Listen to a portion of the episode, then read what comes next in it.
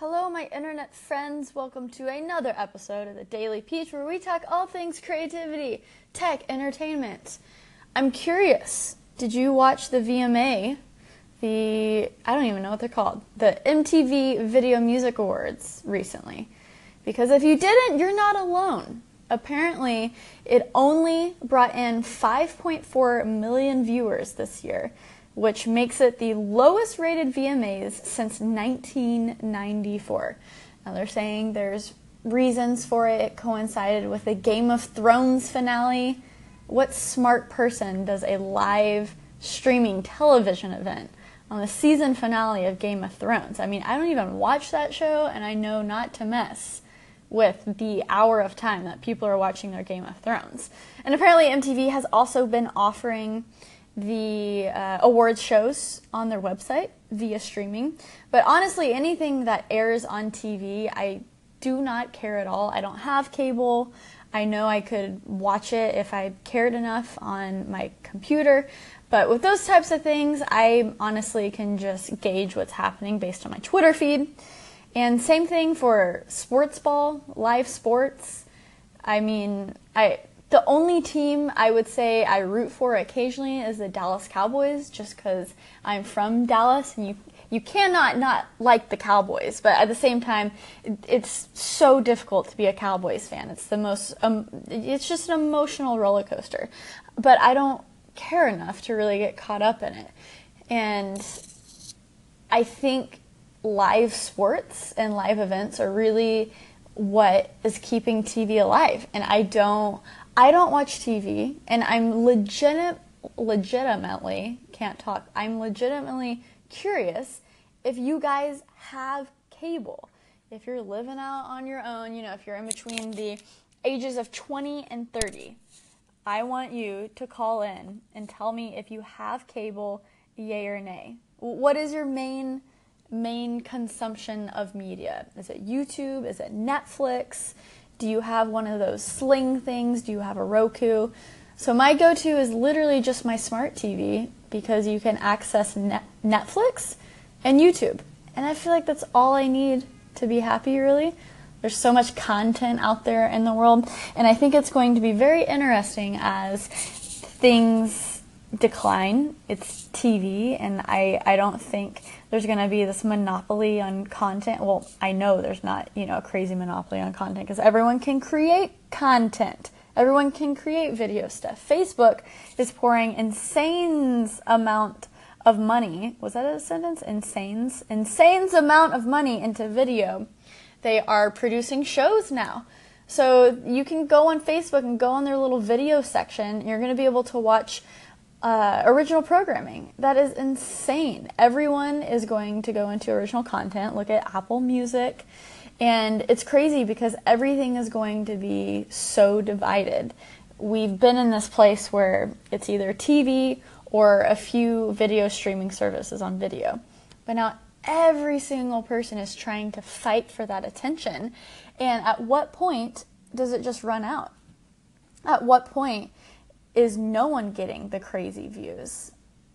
I I feel like nothing will ever really be the same. Like no one person or one show will have all the views anymore because everyone's just attention is spread out. Maybe your thing is Facebook video and YouTube, and then another person's thing is cable and Netflix, and then another person's thing is HBO and like watching NFL games on Twitter but lol. Who the heck does that? Never understood why Twitter bought those NFL games.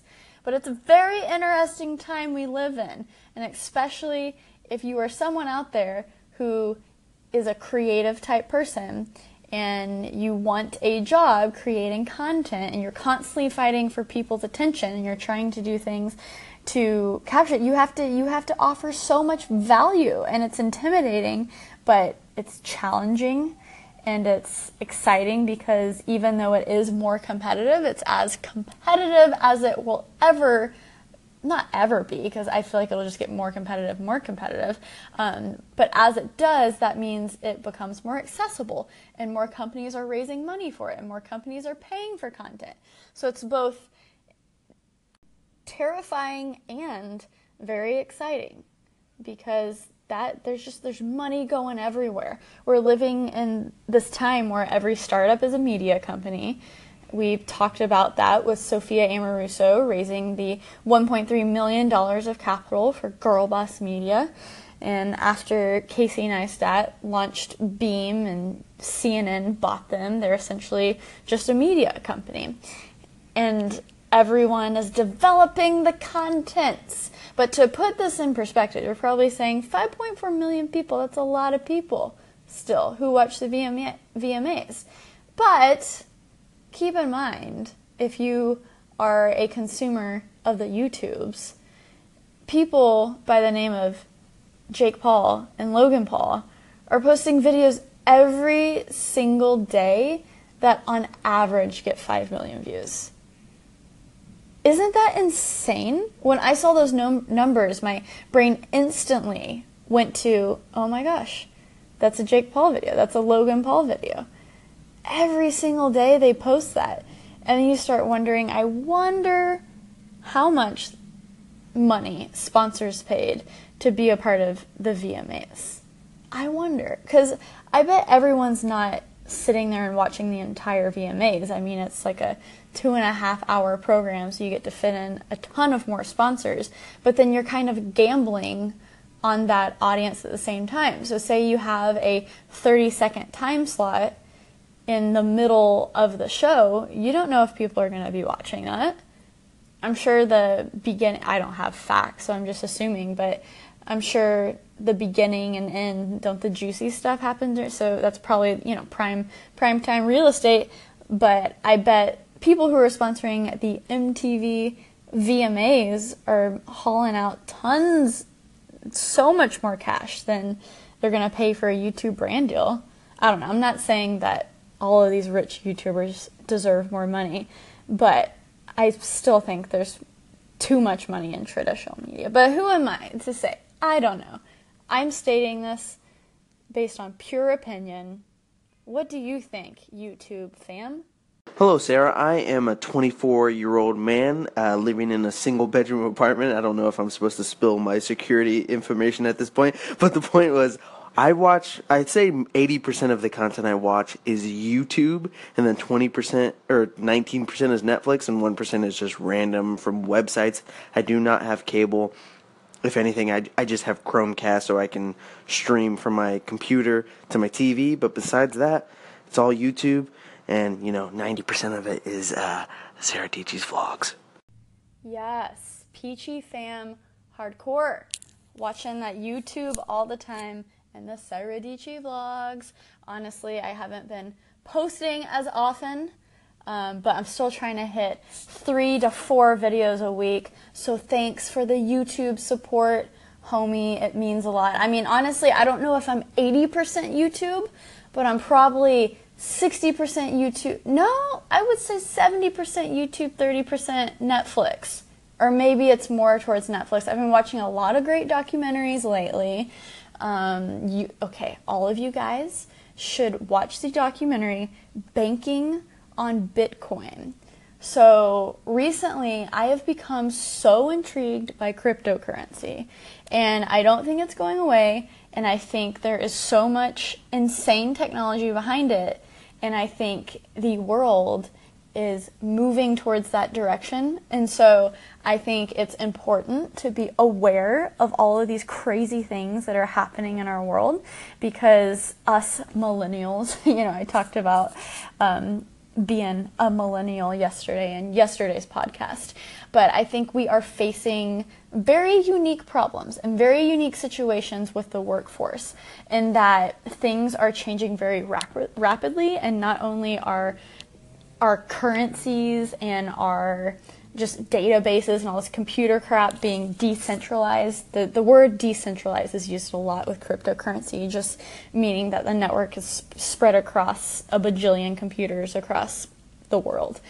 Um, but also, I feel like careers and organizations and corporations are going to be much more decentralized, and the leadership hierarchy is going to be different, and uh, just work in general is going to be different. I mean, I think a lot of more people are going to move towards the contracting uh, freelance life to where no one's really specializing and doing the same exact thing for 20 years at the same company, but you're going to be continually learning new skills and picking what job you want to do for the day. And that is a kind of scary future because it's like, well, how is healthcare going to have to change? And how are how is just society going to have to change? And those are things that we got to figure out as millennials. And i think it can be a rad world but it's going to take some work. I'm pretty sure i was talking about youtube before this. I don't know how I, oh bitcoin. I don't know how i got on this rant. But netflix you should check out banking on bitcoin very intriguing documentary. But I think that is a a common thing among the youth of America today is like YouTube or Netflix. And that's and that's it.